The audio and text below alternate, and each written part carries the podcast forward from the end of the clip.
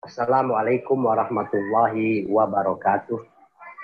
Bismillahi walhamdulillah wassalatu wassalamu ala rasulillah Muhammad ibn Abdullah wa ala alihi wa sahbihi wa man tabi'ahum bi ihsanin ila yaumil qiyamah amma ba'du faqala ta'ala ya ayyuhalladzina amanu idza qila lakum tafassahu fil majalisi fafsahu yafsahillahu lakum wa idza qila suzu fansuzu yarfa'illahu alladzina amanu minkum walladzina utul ilma darajat.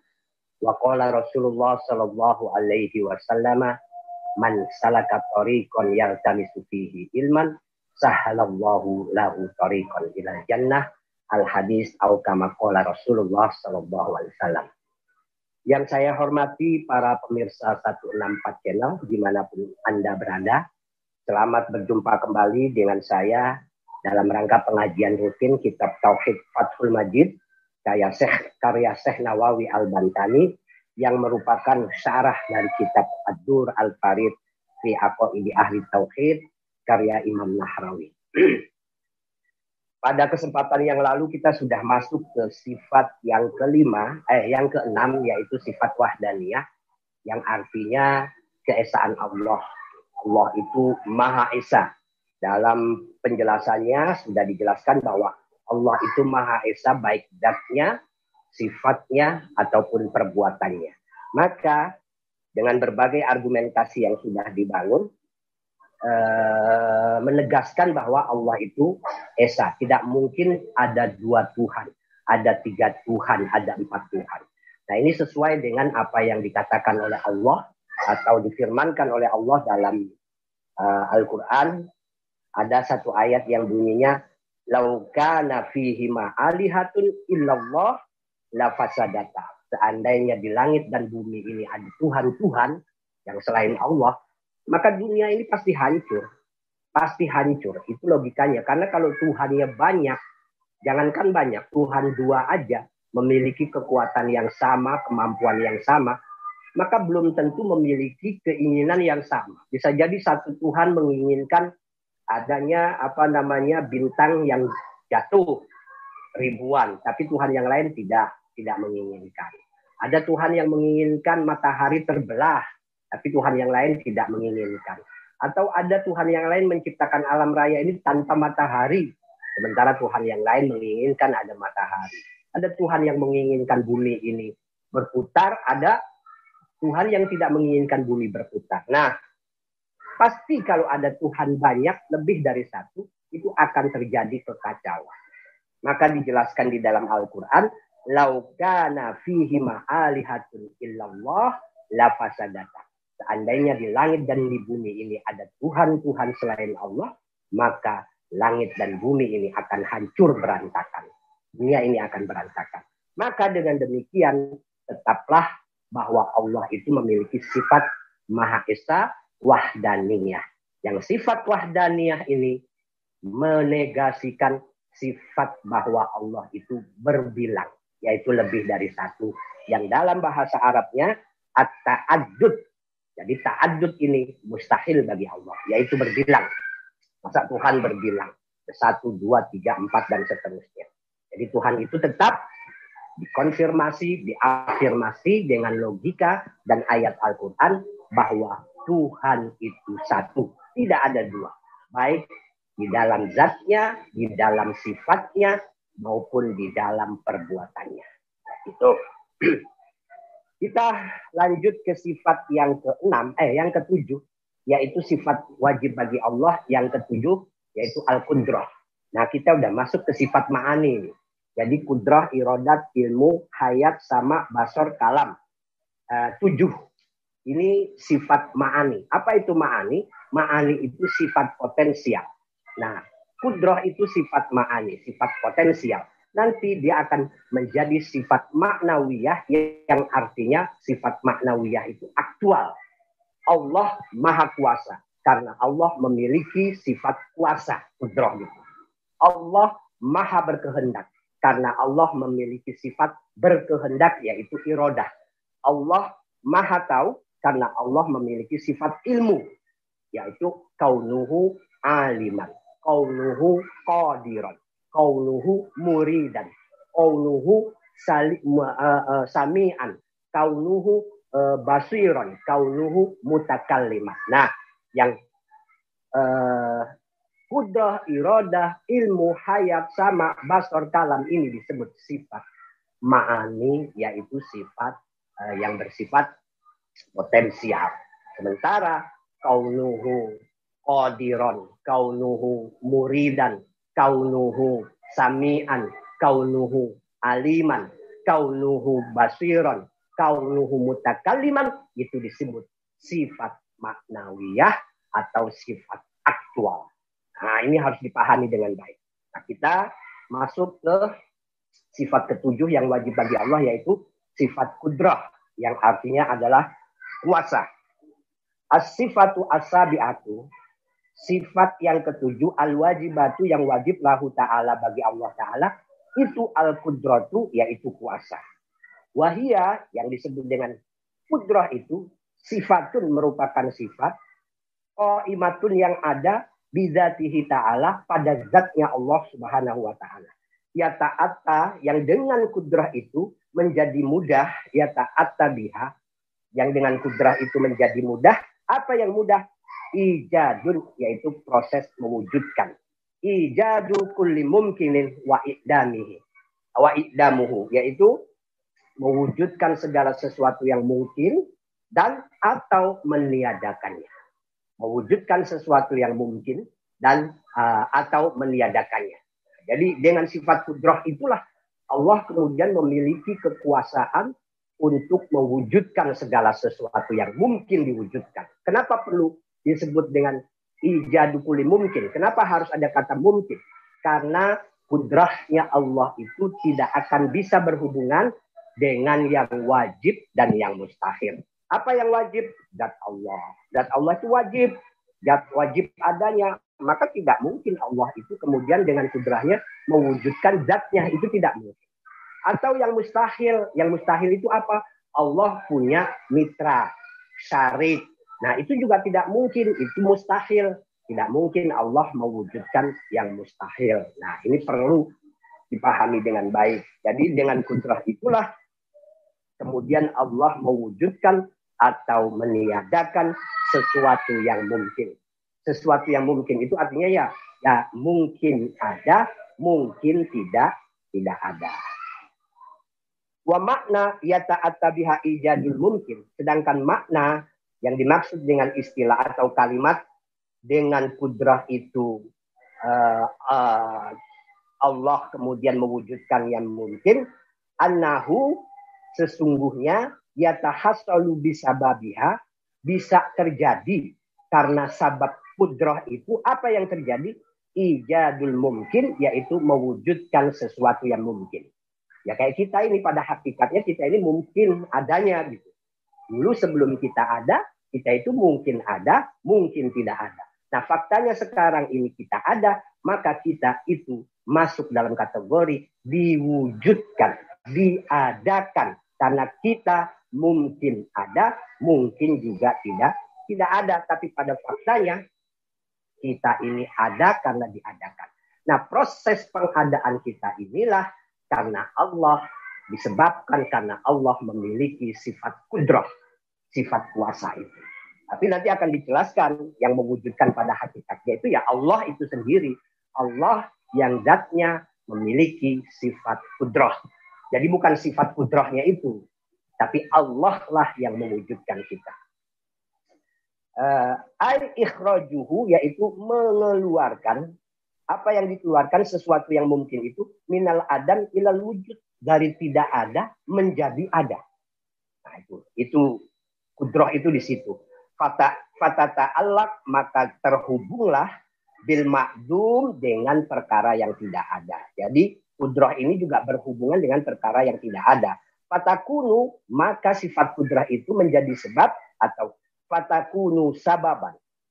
Sikap kudroh itu menjadi sebab fi ijadihi dalam mengadakan yang mungkin wabil maujudi dan dengan ada fatakunu sababan fi idamihi maka dia juga menjadi sebab mentiadakan yang mungkin. Jadi intinya segala sesuatu ini tadinya bisa ada, bisa tidak ada. Tapi dengan kudrahnya Allah, Allah yang memilih untuk ada sesuatu itu.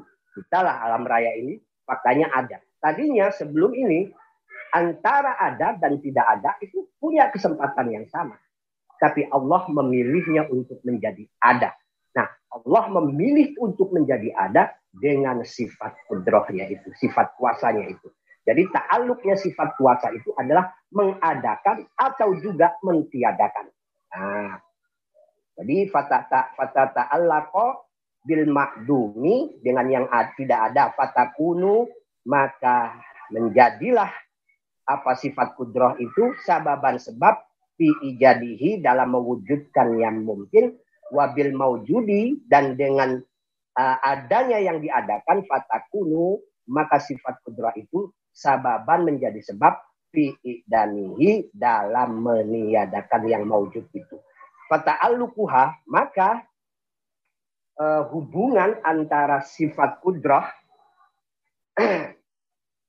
bil maujudi wal ma'dumi dengan ada dan tidak ada. Nah, Yukalu dikatakan lahu soal ta'aluk ini ta'alukun tanjiziyun. Jadi ta'aluk yang sifatnya tanjizi. Apa itu ta'aluk tanjizi? Ta'aluk tanjizi itu sesuatu yang bersifat efektif. Jadi kekuatan atau potensi kudroh ini menjadi efektif ketika dia sudah me mewujudkan sesuatu atau meniadakan sesuatu.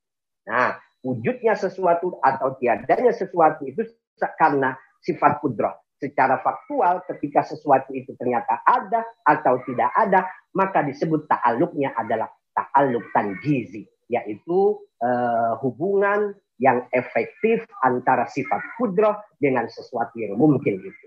Nah, ini tanjizi, nanti ada ta'aluk soluhi, suluhi. Ta'aluk suluhi itu artinya uh, proses uh, potensial yang sebetulnya memiliki kepantasan untuk mewujudkan sesuatu dalam bentuk yang beda. Yang bisa diterima oleh akal manusia. Contoh umpamanya ada orang bernama Jamal atau Zaid atau Aisyah. Faktanya dia diciptakan menjadi orang yang tinggi, warna kulitnya putih. Nah, sebelum Jamal, Aisyah, eh, dan Zaid ini ada, itu sebetulnya bisa saja wujud Jamal, wujud Zaid, wujud Aisyah itu tidak tinggi, tidak putih, tapi pendek, hitam. Itu bisa. Itu namanya ta'aluk, apa, tanji, uh, solusi. Pantasan yaitu. Bisa untuk diciptakan dengan tidak dalam bentuk yang ada.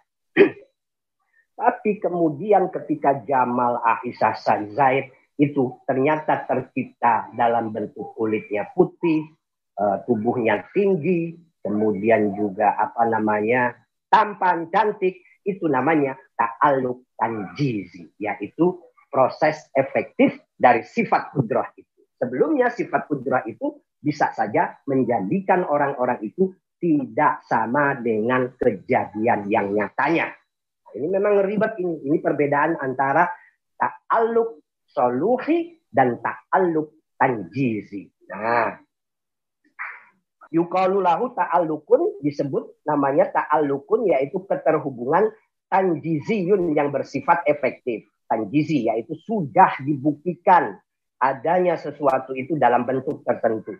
Hadisun yang bersifat hadis atau ya baru. Baru itu artinya eh, tadinya tidak ada kemudian menjadi ada. wa makna fi wa makna kaunuhu tanjiziyan dan ta'aluk itu disebut tanjizi annahu ta annahu sesungguhnya ta'alukun bil fis bil fi'li yaitu keterhubungan dengan fakta yang sudah terjadi walaha dan sifat kudrah itu memiliki ta'alukun soluhiyun juga memiliki ta'aluk soluhiyun qadimun yang bersifat kodim terdahulu jadi sebelum kita ini ada saya lah contohnya sebelum saya ini ada ini kudrahnya Allah itu bisa jadi mengingin ah, bisa jadi menciptakan adanya saya seperti sekarang ini itu tidak seperti sekarang. Tidak seperti sekarang. Kulit saya putih umpamanya.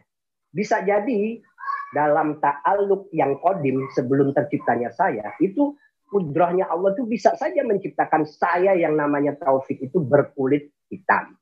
Itu bisa. Itu namanya ta'aluk soli, soluhi uh, tanjizi. Apa uh, soluhi kodim yang bersifat uh, soluhi kodim. Nah, sementara ketika saya faktanya sudah tercipta seperti ini dengan kulit putih, nggak uh, terlalu tinggi juga nggak terlalu pendek, ini berhubungan dengan ta'aluk tanjizi ya itu sifat kudrah yang kemudian menjadi sebab terciptanya saya menjadi faktual seperti adanya sekarang ini. Ini namanya ta'aluk tanjizi. Jadi ada dua ta'aluk, ada ta'aluk tanjizi yang bersifat hadis, ada ta'aluk kodim, apa namanya solusi yang bersifat bah, azali, kodim. Yaitu ada sejak zaman dulu beriringan dengan kudrahnya Allah itu. Kudrah itu kan juga tidak, kudrahnya Allah itu tidak ada awalnya karena kudrahnya Allah itu ya ada dalam zatnya Allah. Maka Allah itu kodim. Maka Allah itu memiliki sifat kidam termasuk kudrahnya itu. Nah, contoh lain umpamanya sebelum adanya bumi ini. Ini mungkin kudrahnya Allah itu menciptakan bumi ini dalam bentuk lonjong. Itu mungkin. Mungkin itu namanya ta'aluk soluhi uh, uh, kodim. Jadi ta'aluk soluhi kodim. Allah bisa saja menciptakan bumi ini lonjong, bukan bulat umpamanya. Atau bumi ini datar, bukan bulat seperti sekarang itu. Itu namanya ta'aluk uh, soluhi kodim. Tergantung kehendak Allah. Tapi faktanya bumi diciptakan oleh Allah bulat. Nah ini namanya ta'aluk tanjizi hadis. Allah memilih menciptakan bumi ini dalam bentuk bulan. Mudah-mudahan bisa dipahami dengan baik. Jadi ta'alukun laha walaha dan kudrah itu memiliki ta'alukun soluhiyun yaitu ta'aluk soluhi. Ta'aluk soluhi ini artinya eh, eh, potensi kudrat yang sudah eh, yang masih dalam bentuk kepantasan belum dalam bentuk faktual yang sifatnya kodimun. Wahia wahua yang disebut dengan ta'aluk soluhi itu solahiyatuha bisa atau pantasnya uh, sifat kudrah itu fil azal di zaman dulu lil ijadi untuk mewujudkan awil idani atau tidak mewujudkan. Nah, fahia yang namanya sifat kudrat itu solihatun boleh atau berpotensi fil azal li annatu jidu zaidan dengan fahia sifat kudrah itu solihatun bisa saja solihah itu di sini bisa saja gitu artinya. Fil azal di zaman dulu li ayu li antujida yaitu mewujudkan mewujudkan apa? Zaidan seorang Zaid umpamanya tawilan yang tinggi au kosiron atau pendek gitu au ta'alluq at-tanjizi dan sifat kudrah itu juga memiliki ta'alluq tanjizi muhtas yang kemudian menjadi tertentu bilhal dalam faktanya Faktanya Zaid bagaimana?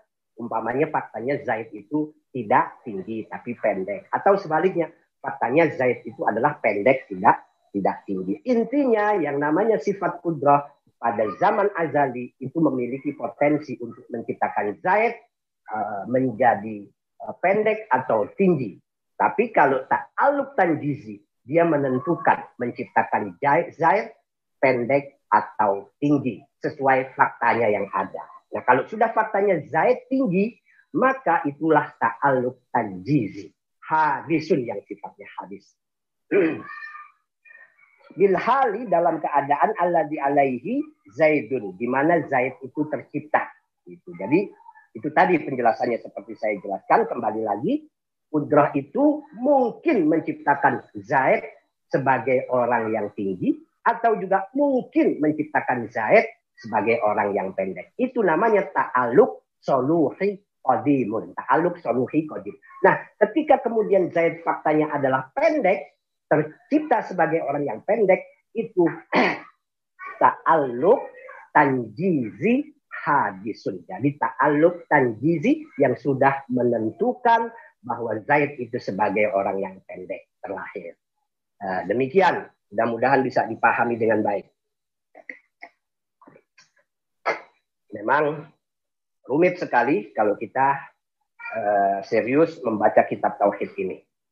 Karena di dalamnya banyak silogisme dan juga uh, apa namanya pemahaman yang harus dimodali dengan pengertian tentang ilmu mantek dan ilmu logika. Wa'lam dan ketahuilah.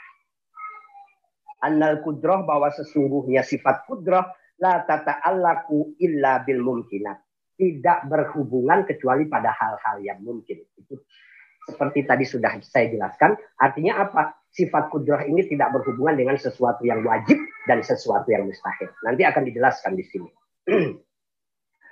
Fala tata'allaku, maka sifat kudrat itu tidak berhubungan bil wajibat dengan sesuatu yang wajib. Kazatihi ta'ala seperti zatnya Allah. Jadi kudrat itu tidak ada hubungannya. Tidak bisa. Tidak ada hubungannya dengan sesuatu yang wajib seperti zatnya Allah. Nah, karena apa? Zat Allah punya sifat kudrah. Zatnya Allah itu wajib. Maka tidak bisa dikatakan bisakah Allah itu menciptakan zatnya? Ya tidak bisa, bukan tidak bisa. Ya tidak mungkin pertanyaan itu keliru. Karena kudrahnya Allah itu tidak berhubungan dengan yang wajib dan juga tidak berhubungan dengan yang mustahil. Nanti ada penjelasannya. Uh, uh, fatata alak fala tata allaku al wajib bil wajibat dengan sesuatu ya dengan hal-hal yang wajib kadzatihi ta'ala seperti zatnya seperti zatnya Allah taala wasifatihi dan sifat-sifatnya Allah wala bil mustahilat dan juga al kudrah itu tidak berhubungan dengan hal-hal yang mustahil kasarik seperti Allah itu punya mitra punya kawan yang menolong itu syarik La syarik kalah Allah itu tidak memiliki syarik atau mitra atau kawan atau teman gitu. Tidak mungkin. Tidak ada duanya. Kasyariki seperti lahu, eh, kasyariki seperti mitra, lahu ta'ala. Uh, jadi sifat kudrah tidak berhubungan dengan yang wajib. Dan sifat kudrah itu juga tidak berhubungan dengan yang mustahil. Contoh yang mustahil adalah asyari, yaitu mitra bagi Allah pembantu, teman yang membantu Allah dalam menciptakan dan merawat alam raya ini. Las la ilaha illallah, Allah itu tidak ada duanya. La syarikalahu, tidak ada syarik atau mitra bagi Allah Subhanahu wa taala. Maka sifat kudrah itu jangan pernah orang berpikir, bisa gak sifat kudrahnya Allah, sifat kuasanya Allah menciptakan mitra untuk Allah. Nah, itu tidak mungkin. Itu tidak mungkin. Itu pikiran itu keliru. Makanya dalam ilmu tauhid ini sudah dijelaskan bahwa kudrahnya Allah hanya berhubungan dengan yang mungkin. Tidak berhubungan dengan yang wajib dan juga tidak berhubungan dengan yang mustahil. Yang wajib contohnya adalah zat Allah, sifat Allah, dan yang mustahil adalah contohnya syarih atau mitra bagi Allah. Nah, sifat kudrah tidak memiliki hubungan pada keduanya. Nah, ini sekali lagi bisa dipahami dengan baik mudah-mudahan. Di anna sa'nal kudrah. Karena sifat dari sifat kudrah itu al-ijad. Yaitu mewujudkan uh, wal atau meniadakan. Wadatahu, wazatuhu ta'ala. Sementara zatnya Allah itu mewujudatun sudah ada. Wasifatuhu dan sifatnya Allah. Kadalika seperti itu juga. Yaitu sudah ada. Wa ijadul mawjud.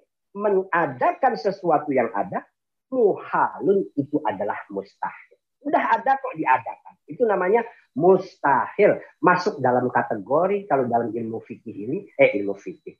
Dalam ilmu tauhid itu tahsilul hasil. Ibaratnya apa? E, kayak ada cabai merah. Cabai itu sudah merah kok. Mau dimerahin lagi. Orang merahnya itu sudah ada di cabai. Itu kan sesuatu yang mustahil. Peci ini hitam. Sudah hitam kok mau dihitamin lagi ya mustahil. Orang sudah hitam. Itu namanya tahsilul hasil, mengadakan sesuatu yang sudah ada. Dan itu mustahilun atau muhalun. Nah, muhalun yaitu mustahil lima fihi karena di dalam proses ijadul maujud ini min tahsilil hasil yaitu mengadakan sesuatu yang sudah ada. Ada air di gelas, kemudian ingin diciptakan lagi air itu di gelas. Ya nggak mungkin orang airnya sudah ada kok begitu. Sama dengan kita ingin membangun katakanlah eh, gedung. Gedungnya sudah ada. Itu bagaimana kita mengadakan sesuatu yang sudah ada. Itu mustahil. Istilahnya tahsilul hasil. menghasilkan atau mengadakan sesuatu yang tidak ada itu mustahil. Nah, fala tata'allaku maka sifat kudrah itu tidak berhubungan biwujudihi ta'ala dengan wujudnya Allah ta'ala. Wala bi'idamihi dan juga tidak berhubungan dengan meniadakan Allah subhanahu wa ta'ala. Ada orang bertanya berpikir tapi keliru karena nggak pernah belajar tauhid. Allah itu kan maha kuasa, punya kuasa, punya kudrah sifatnya. Dia maha kuasa. Bisa nggak dengan kekuasaannya Allah itu meniadakan dirinya sendiri? Nah ini pertanyaan yang orang itu tidak pernah belajar ilmu tauhid.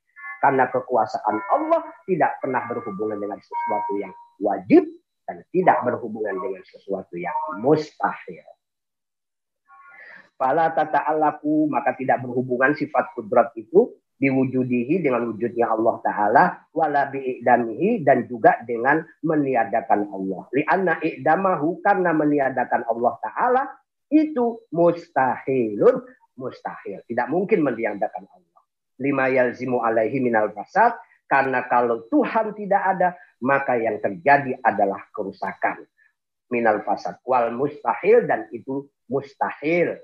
Makdum uh, wal, uh, wal, wal mustahil dan itu adalah sesuatu yang mustahil karena faktanya dunia ini tidak rusak, alam raya ini tidak tidak rusak. Dan begitu juga dengan yang mustahil, tidak mungkin, yaitu seperti al-asyarik itu. Allah itu punya mitra, punya teman. Allah ada dua, ada tiga, ada empat. Tidak mungkin. Jadi sifat kudroh itu tidak ada hubungannya dengan hal-hal yang mustahil seperti mengadakan syarik bagi Allah atau mitra bagi Allah. Jadi jangan Jangan kadang-kadang ada orang yang suka usil kan bertanya, tapi biarin nggak apa-apa. Nah, cuma kalau kita sudah pernah belajar tauhid, kita hanya akan menertawakan pertanyaan seperti itu. Yaitu pertanyaan model begini. Allah itu maha kuasa. Dan Allah itu cuma satu. Bisa gak Allah itu membuat zatnya yang sama dengan zatnya sehingga dia jadi dua? Nah, sehingga Allah jadi dua karena diciptakan Allah yang sama. Itu pertanyaan orang tidak pernah belajar tauhid. Karena orang yang belajar tauhid sudah ngerti bahwa kuasanya Allah tidak berhubungan dengan sesuatu yang mustahil. Adanya Allah dua itu adalah mustahil. Adanya Allah berbilangan itu mustahil. Wal mustahil. Makdumun tidak ada. Falayam falayum kinu falayum kinu maka tidak mungkin ikdamuhu uh, tidak ada Allah itu tidak ada. Laka qailun. Seandainya ada orang yang berkata kepadamu, Halillahu qadirun ala ayat sarikan. Apakah Allah mampu kuasa untuk menciptakan syarik atau mitra baginya? Au zaujatan atau istri, au waladan atau anak.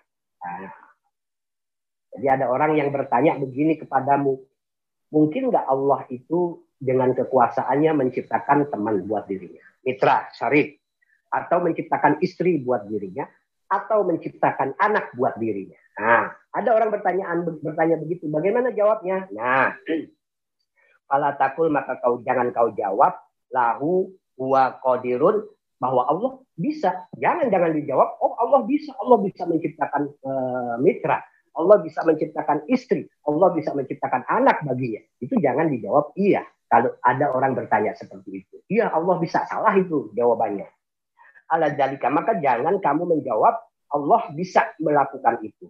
Di anna dalika karena sesuatu itu yang seperti itu mustahil. Mustahil. Allah punya teman, Allah punya istri, Allah punya anak, itu mustahil.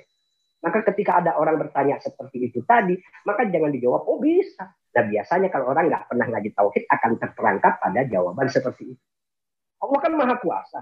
Masa nggak bisa sih Allah menciptakan anak buat dirinya sendiri?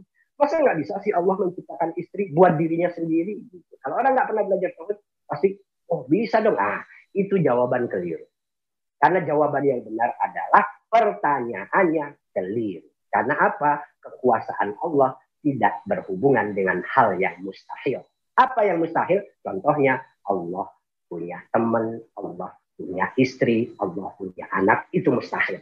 Jadi kalau ada orang bertanya seperti itu, jawabannya adalah bahwa pertanyaan itu keliru. Di mana kelirunya? Sifat kudrah Allah tidak berhubungan dengan hal yang mustahil. Teman, istri, dan anak bagi Allah adalah mustahil. Mustahil Allah punya syarif, Allah punya istri, Allah punya anak, itu mustahil. Wal kudrah dan sifat kudrah, uh, uh, uh, Dalika mustahilun dan itu yang demikian itu mustahil. Wal kudroh la tata'allak yang namanya sifat kudroh itu tidak berhubungan bihi dengan hal yang mustahil. Wala takul dan juga kamu berkata atau kamu jangan menjawab lahu kepada orang yang bertanya laisa biqadirin. Oh Allah nggak bisa. Jadi pertanyaan di atas itu tidak bisa dijawab bisa atau tidak bisa. Tidak. Karena apa? Pertanyaannya sudah keliru. Di mana kelirunya? Dia mempertanyakan sesuatu yang mustahil kudrahnya Allah, kekuasaan Allah tidak ada hubungannya dengan yang mustahil. Jadi kalau ada pertanyaan begitu, tidak bisa dijawab bisa atau dijawab tidak bisa. Nah, walatakullahu laisa biqadirin dan juga jangan kau jawab kepada orang yang bertanya itu bahwa Allah tidak bisa bikin anak, Allah tidak bisa bikin istri, Allah tidak bisa bikin kawan. Salah itu di anaka karena dengan jawab begitu tusbitu engkau menganggap lahu kepada Allah al-ajzu, sifat lemah. Oh kalau begitu Allah lemah dong karena tidak bisa menciptakan anak, tidak bisa menciptakan istri buat dirinya, tidak bisa menciptakan syarik buat dirinya. Maka jawabannya dijawab Allah bisa itu salah, dijawab Allah tidak bisa juga salah. Karena kalau kamu menjawab atau Anda menjawab Allah tidak bisa, maka berarti Allah lemah, memiliki sifat lemah. Anda mengatakan atau menetapkan Allah itu memiliki sifat al-ajzu atau lemah. Nah, wal ajzu sementara sifat lemah itu alaihi ta'ala bagi Allah itu muhalun perkara yang mustahil. Kata nabah ini harus harus diingat ini supaya kita tidak keliru menjawabnya. Maka harus belajar ilmu tauhid supaya bisa menjawab dengan baik dan benar, tepat. Nah, wa inna matakulu dan harusnya engkau menjawab ada pertanyaan itu mustahilun yaitu perkara yang mustahil. Wa kudratuhu ta'ala. Sementara kudrahnya Allah subhanahu wa ta'ala. La tata'allaku tidak berhubungan al mustahil bil mustahil dengan perkara-perkara yang mustahil. Jadi kudrahnya Allah itu tidak berhubungan dengan perkara yang mustahil. Allah menciptakan anak bagi dirinya itu mustahil. Allah menciptakan apa namanya istri bagi dirinya itu mustahil. Allah uh, uh, menciptakan syarik bagi dirinya itu juga mustahil. Fatanabah maka harus diingat ini, harus diperhatikan supaya kita itu bisa menjawab dengan baik dan benar. Di alizalika oleh sebab itu fakudratuhu ta'ala maka sifat kudrahnya Allah Ta'ala la tata'allaku illa bil mumkinat. Tidak berhubungan kecuali dengan perkara-perkara yang mungkin. Perkara yang mungkin itu ya jelas bukan mustahil, juga bukan wajib. Apa yang mungkin? Yang mungkin ada, mungkin tidak ada. Itu bisa ada, bisa tidak ada. Itu perkara mungkin. Kayak kita dan alam raya. Pada hakikatnya bisa ada, bisa tidak ada. Kalau sekarang ini kita ada karena Allah menghendaki, menghendaki kita ada dengan kekuasaannya, dengan kudrohnya. Gitu. Labil wajibat tidak berhubungan dengan perkara-perkara wajib, walabil mustahilat dan tidak berhubungan dengan perkara-perkara mustahil. Wa'lam dan ketahuilah anahu sesungguhnya la ta'sira lil kudrati kudrah itu tidak memiliki pengaruh fil mumkini di dalam mewujudkan atau tidak mewujudkan sesuatu. Wa innama taksir sesungguhnya yang berpengaruh dalam mewujudkan lidatihi. Wa innama taksir sesungguhnya pengaruh itu di dalam wujud dan mewujudkan lidatihi ta'ala adalah milik zatnya Allah subhanahu wa ta'ala. Bukan kudrohnya. Ini harus dibedakan. Wal kudroh sementara sifat kudroh itu sababun hanya sebab fitaksir dalam mewujudkan atau tidak mewujudkan. Nah, Qala Ibnu Zikra rahimahullah ta'ala. Wal fi'lu lidati bili sifat nisair. E, dikatakan oleh Ibnu Zikra rahimahullah ta'ala. Wal fi'lu yang disebut dengan perbuatan itu lidati milik dat Allah. E, bili sifati yaitu zat yang memiliki sifat. Salah satunya sifatnya adalah sifat kudrah. Pamanik takoda, barang siapa berkeyakinan. Annal kudroh, bahwa sesungguhnya sifat kudroh. tuksiru fil mungkin yaitu menjadi penyebab atau mempengaruhi mewujudnya sesuatu atau tidak adanya sesuatu binafsiha dengan esensi kudrah itu sendiri au hiya ma'adzat atau dia kudrah itu bersama zat diyakini yang mewujudkan sesuatu atau tidak mewujudkannya kafaru maka orang seperti itu kafir. Ini kata Ibu Diko. Jadi kalau kita meyakini bahwa oh yang menciptakan alam raya ini sifat kudroh. Itu salah. Atau yang meniadakan alam alam raya ini sifat kudroh. Itu keliru. Kalau ada orang mengatakan seperti itu, kata Ibnu Jikro kafir. Karena sifat kudroh itu hanya sebab yang ada di dalam zat. Zat Allah lah yang hakikatnya yang menciptakan alam raya ini atau meniadakan alam raya ini. Nah ini harus diingat nih penting ini. Jadi jangan sampai keliru. Bukan karena kudrat jadi ada, tapi karena zat yang ada, maka kita jadi ada. Sementara zat itu adalah zat yang memiliki sifat-sifat yang salah satu di dalam sifatnya itu adalah sifat kudrat. Sifat kudrat. Kafar wal al billah kita berlindung kepada Allah dari kekeliruan dalam berpikir. Wa min dalika dan dengan demikian itu ta'alam tu'lamu maka diketahui tahrimu qaulil amah yaitu keharaman pendapat orang awam al kudroh tata sorufu li bahwa sifat kudrah itu memiliki pengaruh karena orang awam itu apa namanya ya namanya orang awam belum memiliki cara berpikir yang baik antara hubungan antara Allah dengan terciptanya alam raya itu.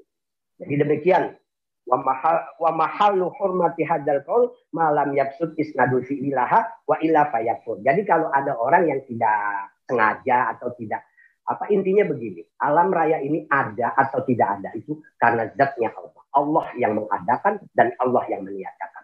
Allah memiliki sifat kudrah. Dan sifat kudrah itu bukan dengan sendirinya yang menciptakan alam raya atau meniadakan. Tapi yang menciptakan alam raya dan meniadakan alam raya ini adalah zat Allah yang memiliki sifat kudrah. Jadi ini saja pada kesempatan kali ini saya cukupkan pengajian Tauhid Kitab Fathul Majid. Mudah-mudahan dapat dipahami dengan baik. Kita akan lanjutkan pada kesempatan yang lain.